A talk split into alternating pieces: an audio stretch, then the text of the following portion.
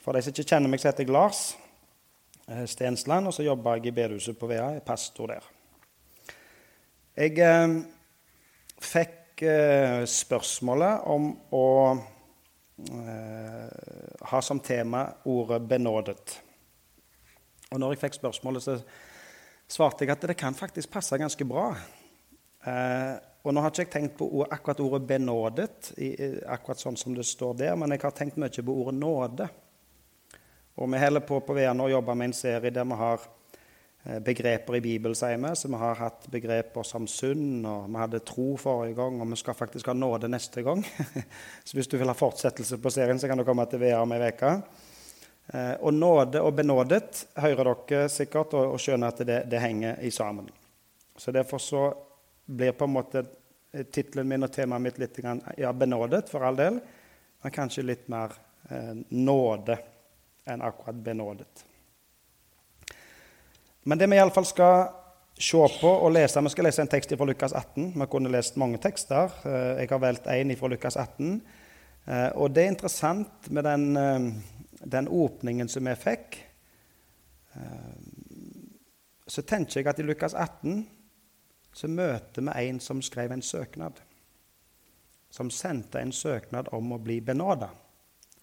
Og søknaden hans om å bli benåda, skal vi lese. Den var Ja Ikke om, om han er sånn som vi ville tenkt han skulle vært. Eller sånn som de som søker Norge om å bli benåda. Men eh, eh, han sendte en søknad. Og for å være en sånn spoiler, som de sier, så fikk han den innvilga. Men vi skal lese uansett. Lukas 18, og vers 9-14 til noen som stolte på at de selv var rettferdige og så ned på alle andre, fortalte Jesus denne lignelsen. To menn gikk opp til tempelet for å be. Den ene var fariseer, og den andre toller. Fariseeren stilte seg opp for seg selv og ba slik.: Gud, jeg takker deg for at jeg ikke er som andre mennesker, de som svindler, gjør urett og bryter ekteskap, eller som den tolleren der. Jeg faster to ganger i uken og gir tiende av alt jeg tjener. Tolleren sto langt unna og ville ikke engang løfte blikket mot himmelen, men slo seg for brystet og sa, søknad, Gud, vær meg synder nådig. Jeg sier dere, tolleren gikk hjem rettferdig for Gud, den andre ikke. For hver den som setter seg selv høyt, skal settes lavt, og den som setter seg selv lavt, skal settes høyt. Historien her, det som Jesus, eh, eh, Denne lignelsen, denne historien som Jesus forteller, er ganske kort. Det handler om to menn. En som er fariseer, eh, som da både tenker om seg sjøl og nok blir oppfatta og sett på som en from mann som er vant med å gå i tempelet, kjent i tempelet. Han går fremst, han kan veien, han har gjort det mange ganger før. Så han er vant med å gå til tempelet for å be. Den andre, som det fortelles om, er en toller. Nå kunne vi sikkert snakket litt om hvorfor Jesus valgte å bruke ordet toller, eller, eller, eller bruke den ene personen som toller. Men jeg tror vi kan oppsummere med at det sannsynligvis var den personen i samfunnet som ble sett mest ned på da. I den sammenhengen og den settingen.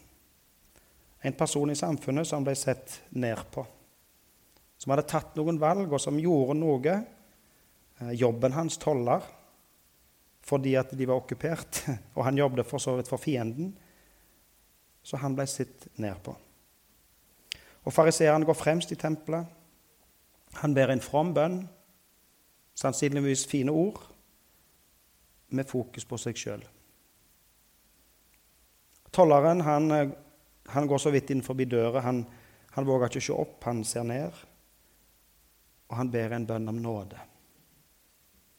Han sender en søknad om benådning. Jesus bruker faktisk aldri ordet nåde altså som, som ordet nåde. Hvis du søker på norsk i, i databibelen eller nettbibelen, eller hvor du skal søke, så, så, finner du at Jesus bruker ordet nåde én plass, og det er denne. Og da bruker han ikke ordet nåde heller, men nådig. ikke sant? Men det er jo det samme ordet. Eh, og det er den historien som Jesus forteller. Vær meg synder nådig. Den eneste gangen Jesus bruker ordet nåde, eh, og tar det ordet i sin munn. Og egentlig, hvis du hadde søkt på andre språk, eh, og søkt på gresk, som er det språket som Bibelen er skrevet på, så er ikke det dette her ordet for Altså Dette ordet kan egentlig eh, like godt være oversatt miskunn eller barmhjertig. For det er ikke det vanlige ordet som oversettes med nåde. Så Sånn sett så har vi på en måte strekt det litt langt på norsk, og så er det den eneste plassen vi finner at Jesus bruker dette ordet. Men vi har da oversettelsen, en god oversettelse som sier 'Gud vær meg synder nådig'. Men selv om Jesus ikke bruker dette ordet, ikke tar det i sin munn, så beskrives Jesus likevel som en som har nåde. Kanskje til og med enda mer altså en som er nåde.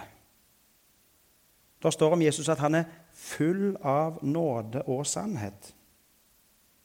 Han er full av nåde. Så selv om han ikke uttaler ordet, så er han nåde. Og han gir mening, han gir innhold til ordet nåde. Måten han er på, og måten han underviser på. Og så har vi en lang historie i Norge og for Europa, kristenheten, der ordet nåde er blitt fullt med innhold. Og kanskje den som har bidratt aller mest eh, i vårt samfunn eh, til å gi ordet nåde innhold, utenom Bibelen sjøl, tror jeg nok må være Martin Luther. For hva var Luther sin, sin store søken? Hva var det han var opptatt av? Eh, jo, det store spørsmålet for Martin Luther var hvordan finne en nådig Gud? Hvordan kan jeg finne en nådig Gud? Og Martin Luther som vi vet, han gjorde alt han kunne for å, for å gjøre seg fortjent til frelsen. Han gjorde alt som sto i sin makt og sin ja, for å fortjene, for å, for å, for å oppnå fortjeneste innenfor Gud.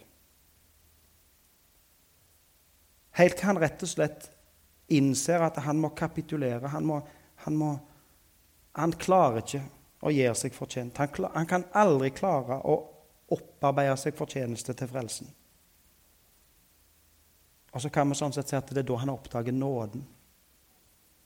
Det er når nåden går opp for Luther. Og så har vi fått hans eh,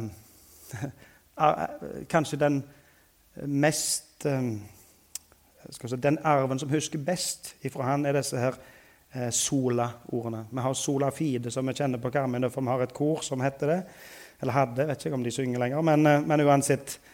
Eh, sola fide er troen alene, men òg nåden alene. Sola gratia. Nåden alene. Som var Luther sin store si, oppdagelse og det som han formidla.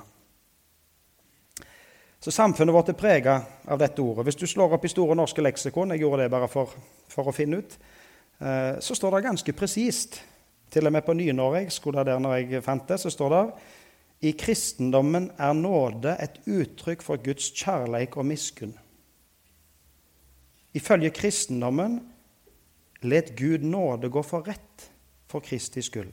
Det vil si at Gud fritek de skyldige for den fortjente straffa, tilgir dem og tilbyr dem evig liv i sitt rike.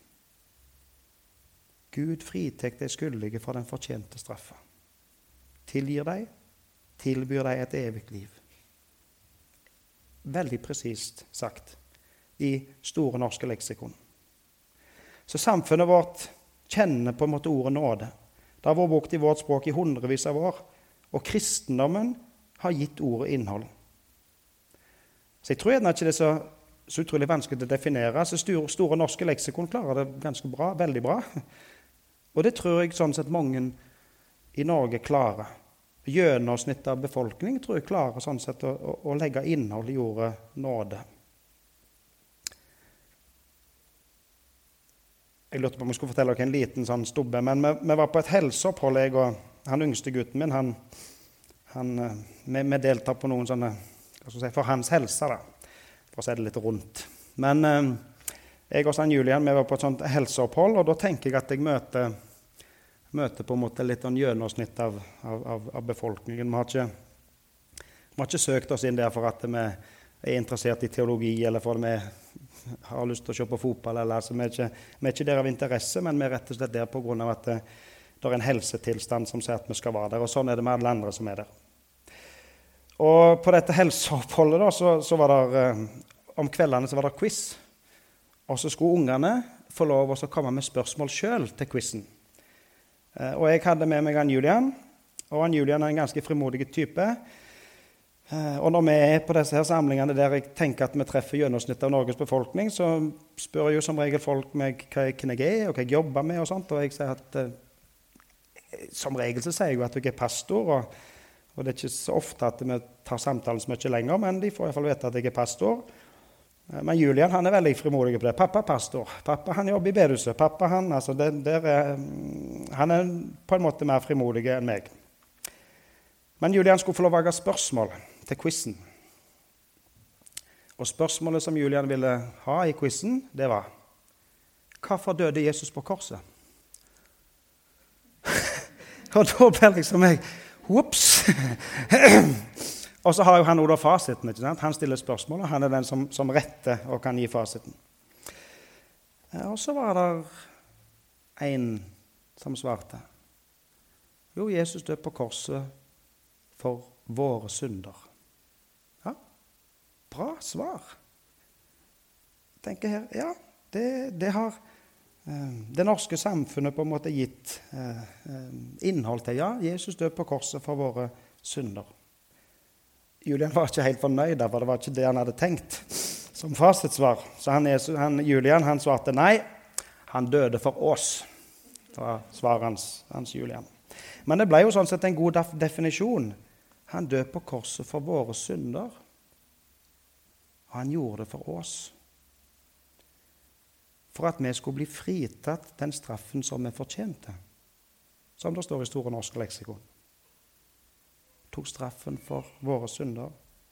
Død for oss, i plassen for oss. Sånn at vi ble fritatt fra den straffen vi fortjener. Jeg har begynt nå i Tanzania, og i Tanzania så så, så er det ei lita bok som fins ennå. Eh, bitte lite hefte. Jeg sjekket det opp på Internett i dag. faktisk, hva Det heftet kosta. Det kosta 300 shilling. Det betyr 1,5 krone. Jeg tror det kosta 1 krone når jeg var der. Så det er et, hefte som kan få tak i for en forholdsvis billig penge. Og heftet heter Det høres jo litt sånn barnaspråket men det heter Badalaya. Og Badalaya på swahili, det betyr 'i stedet for'. I stedet for. Og en mann, en legendarisk misjonær um, i Kenya Tanzania som heter Jon Jøssang, som har skrevet det. Og har tegnet framsida på. Og, og, hvis jeg husker rett, iallfall det som jeg sitter igjen med som framside på boka, er at Jesus holder et lam, og så stryker han blodet på noen dørstolper. Og så står det 'Badalaya'. Et lam som dør i stedet for. Og så er Jesus lammet, mens så er nå hyrden som passer på sine lam.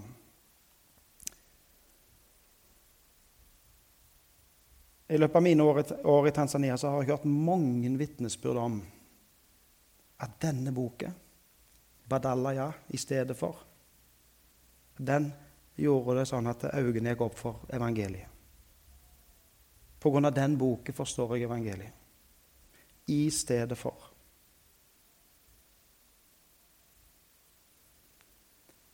Uten vår fortjeneste, i stedet for oss. Nåde. Og Jesus han lever ut nåde. Han er full av nåde og sannhet. Han viser nåde i praksis. Tenk på hun som ble grepen på fersk gjerning i utroskap. Og som på en måte, Her har vi et, har vi et, eh, bevis på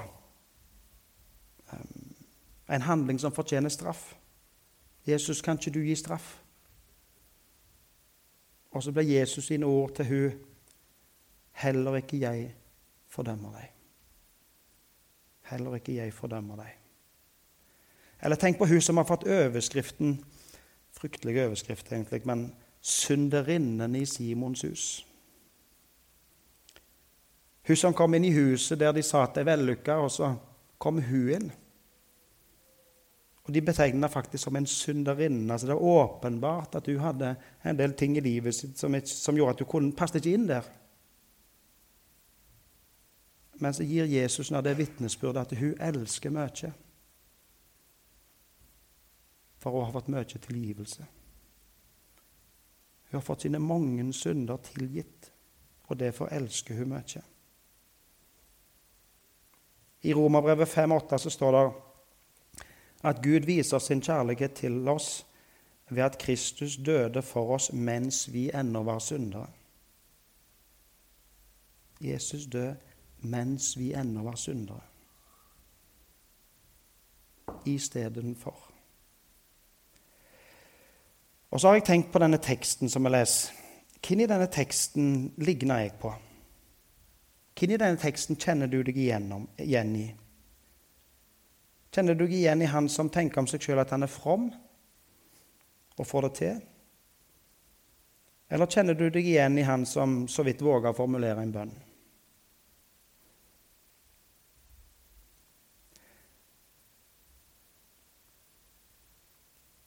Jeg kjenner for min egen del at jeg blir litt redd for at jeg mange ganger er han som går fram. Han som fordømmer andre. Han som ser ut i samfunnet og fordømmer alt som skjer. Moralen som går feil vei, og ting som ikke er sånn som Nei. For mange ganger så kjenner jeg faktisk at jeg er han.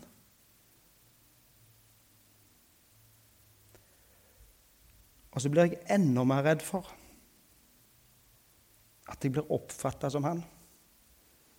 Han med den store pekefingeren. Han som liksom kan dette her og, og vet hvordan det skal være. Og han som sier ifra hvis det er noe galt, eller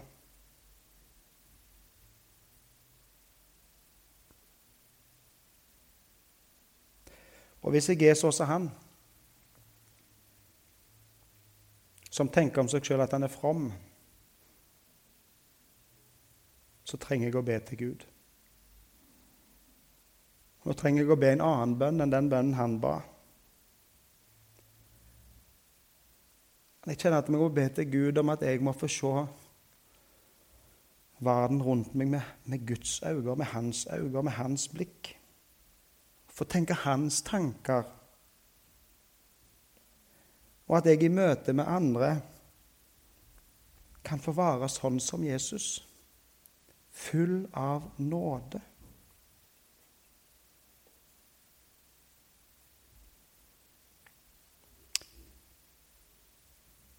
Og så kjenner jeg at i denne teksten, i møte med denne teksten så blir det en, på en måte en oppfordring og en lengsel i meg til oss at vi som ber til Gud Vi kan heller gå i forbønn for folk heller enn å fordømme folk. At vi kan be i omsorg for folk heller enn i sinne og frustrasjon. Og at vi til og med kan be for de som gjør urett imot oss, eller som gjør urett i samfunnet.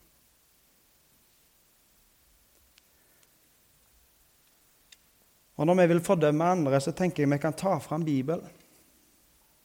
Og så kan vi fylle sinnet vårt med hans eksempel, han som er full av nåde.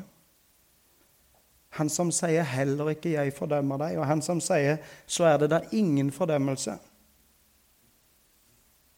Og så kan vi lære av han.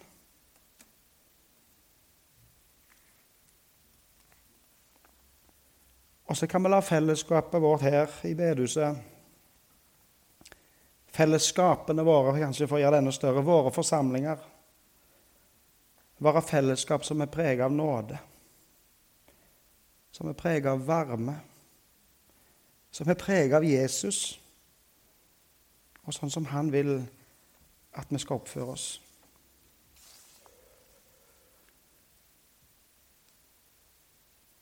Og da blir det ekte fromhet. Da blir det bønn til Gud. Da blir det Bibel, mat for kristenlivet ditt. Og Da blir det fellesskap der vi lengter etter å komme sammen for at vi kjenner Han som har ført oss i sammen.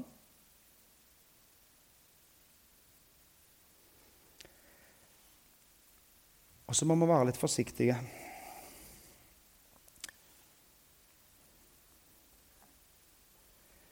Dine bønner,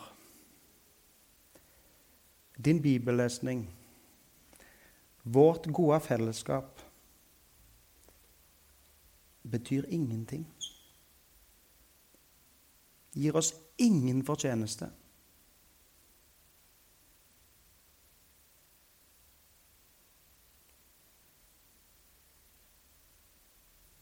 når det gjelder å få del i frelsen.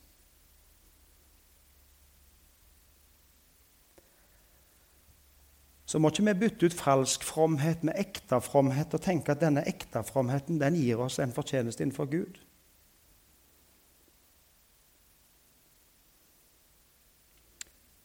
For da bytter vi ut én si, vrangforestilling med en annen vrangforestilling. Og så mener ikke jeg at vi ikke skal be. Selvsagt skal vi be. Eller at vi ikke skal lese i Bibelen, for selvsagt skal vi lese i Bibelen. Eller at vi ikke skal ha det godt i lag, i fellesskap.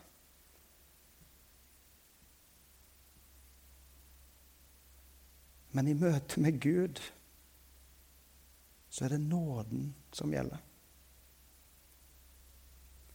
Altså, Du kan faktisk ikke gjøre deg fortjent til noen ting. Og Gud i sin nåde må gi det som du får ifra Han frelsen. Og da blir det faktisk nåde at du får lov å be til Han. Det er ikke fordi at du er så flink å formulere deg eller du har så gode tanker eller så gode bønner, men at Han i sin nåde sier du får lov å henvende deg til din Gud i bønn.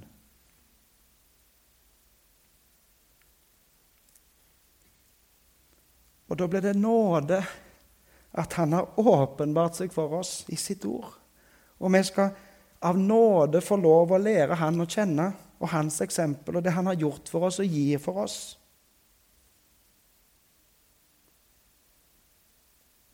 Og da blir det nåde å få lov å komme inn her og være en del av dette fellesskapet. Et fellesskap fullt av nåde.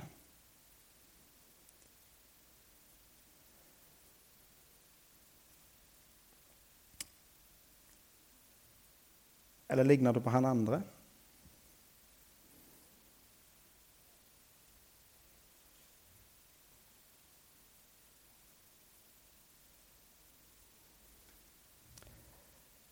Det hender at vi, vi kjenner på at alt er ikke som det skal være. Har du ei ripe i lakken? Eller? Føler du at du ikke får det til? Er du han som ikke klarer å lufte blikket mot Gud, men, men må se ned?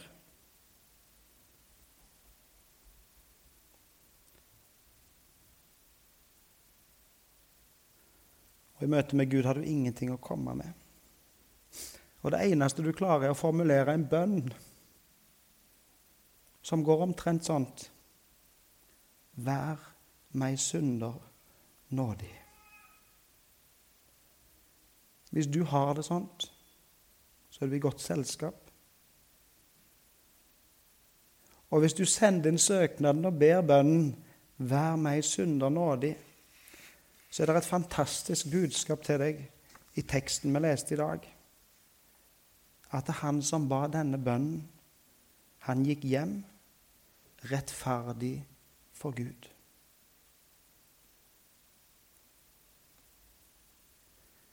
Du som ber, og som lengter, og som ønsker at Gud kan være deg nådig. Gud være meg synder nådig. Du får òg høre fra Han, den nådige Gud, at du er rettferdig. Gud har gjort alt. Gud har ordnet alt. Han soner den straffen du egentlig fortjente. Og i sin nåde så gir han alt til deg gratis. Nåden alene. Og så setter han deg inn i et fellesskap.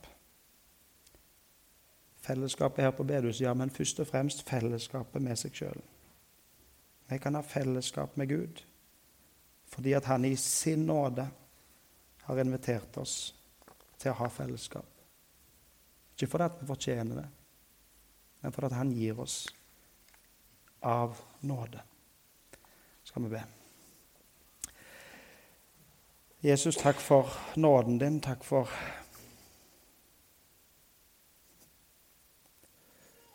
Takk for alt du gir oss. Takk at vi får stå opp hver dag, og, og du møter oss med nåde.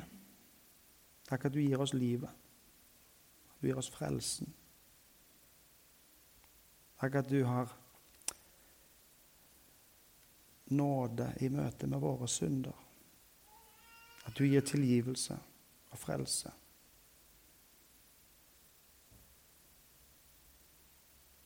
Ber om at våre fellesskap må fylles med din nåde. At vi kan ha fellesskap der vi kan ha det godt i lag med hverandre og med deg. Takk for søndagsskole i kjedleren. Takk for alle som vitner om og forteller om og peker på denne nåden i møte med ungene, til ungene. Og du velsigner dem, både de som er ledere, og de som er på søndagsskolen. Ber for hver en av oss at vi må ha en god dag og en god uke som ligger før oss, i ditt navn. Amen.